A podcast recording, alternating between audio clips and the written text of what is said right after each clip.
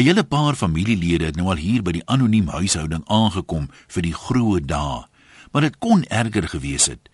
Die kermderms in ons familie was te beswaard om die duur petrol uit te ry hier na die misdaad getuisterde Sodom en Gomorra toe. En terwyl van my eie sielerus het ek dadelik goedkeurend hulle verskonings aanvaar.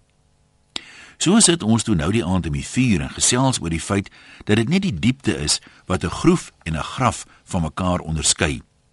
Tot my verbasing sê oupa anoniem, al gaan dit teen sy grein, is selfs die Engelse af en toe reg maar dit bewys eintlik net weer dat 'n blinde bobbejaan ook af en toe 'n piesang kry. Die Engelse gesegde, a change is as good as a holiday, geval oupa.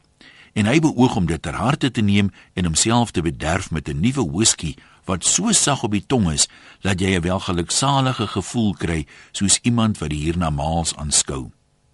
Dis vir ouma 'n bietjie dik vir 'n daalder, maar toe sy oupa betug, pas hy dit afwaarts aan net tot daar waar die Israeliete die beloofde land aanskou.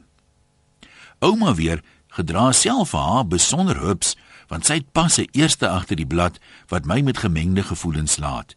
Ek is 'n bietjie trots op haar, 'n bietjie jaloers dat ek te beskimmeld was om dit self te probeer en 'n bietjie dankbaar dat ek nie hoef nie.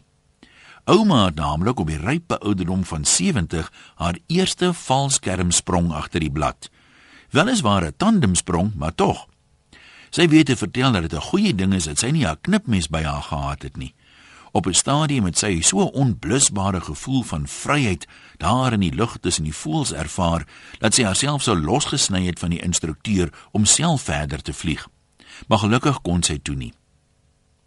Die sprong het byna op 'n laagtepunt geëindig toe hulle 'n bietjie turbulensie kort voor die landing ervaar het.